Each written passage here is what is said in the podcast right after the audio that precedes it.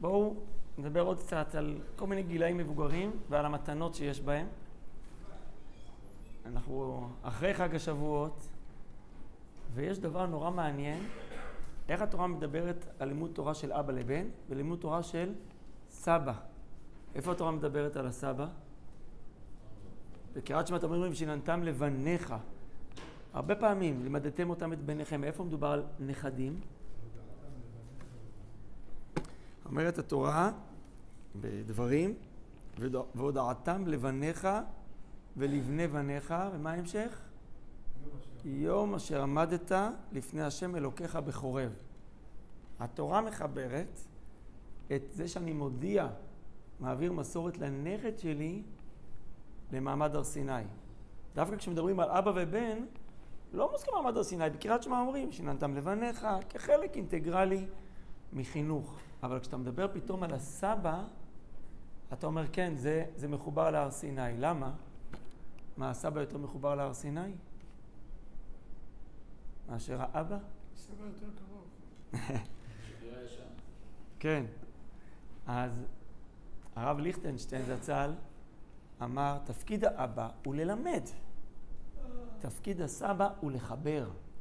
אנחנו יודעים את זה גם היום, שלפעמים הסבא, גם סבא זה מערכת יחסים שונה, יש איזו אהבה, פחות לפעמים, אה, זה לא האבא שצריך לשבת על החינוך ולהגיד לך את זה. הוא מפנק, אז גם בהקשר עכשיו הרוחני, התורני, הסבא מחבר אותי לדורות קודמים.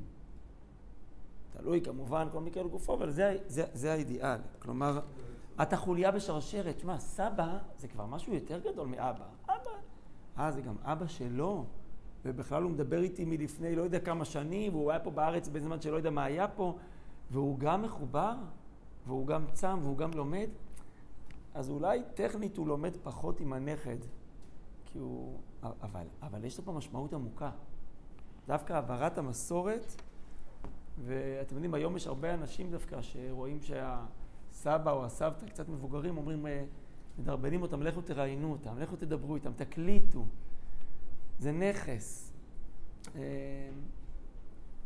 יש פה יכולת, דיברנו, אם שאלנו פעם את השאלה, נו, איזה יתרונות יש בזקנה שאין בגילאים הצעירים? אחד היתרונות. יש פה אפשרות לחבר למציאויות אחרות, אולי לפעמים גם לדורות הקודמים, תספר גם על האבא והסבא, ופתאום הנכד מרגיש, שמע, אני חלק מאיזה קו ארוך. זה לא רק כתוב בספרים, זה חי. המציאות היא, בטח כיום, המציאות שכל הזמן משתנה, עוד שנייה נדבר על זה, אבל גם אם לא באים ורוצים כל הזמן לשמוע את הסבא, סיפור פה. אני אומר לך, זה לא, זה ערך סגולי ולא כמותי. הוא לא יחקה את הסבא בכל דבר, אבל לפעמים איזה סיפור אחד, איזה אמרה, איזה זה, איך אומרים, אנחנו מהמשאב הזורעים, הדברים נספגים. אני טוען שבחינוך צריך להיות זורע. כלומר, מאמין וזורע. אתה לא תמיד תראה את התוצאות מיד, גם הורה. גם הורה.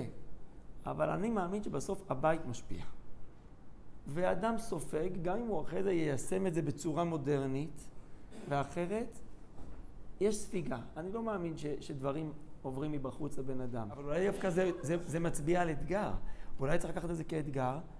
במה אני כן יכול? במה, איפה אני יכול לנגוע בצעירים של היום? וזה צריך, דורש הרבה, אה, קצת אה, פתיחות ומחשבתית לחשוב איך עושים את זה. זה באמת אתגר.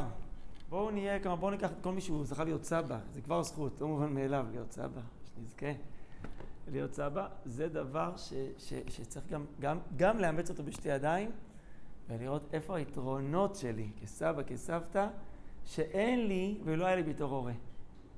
כי התורה לא סתם מביאה את, את, את, את המציאות הזאת,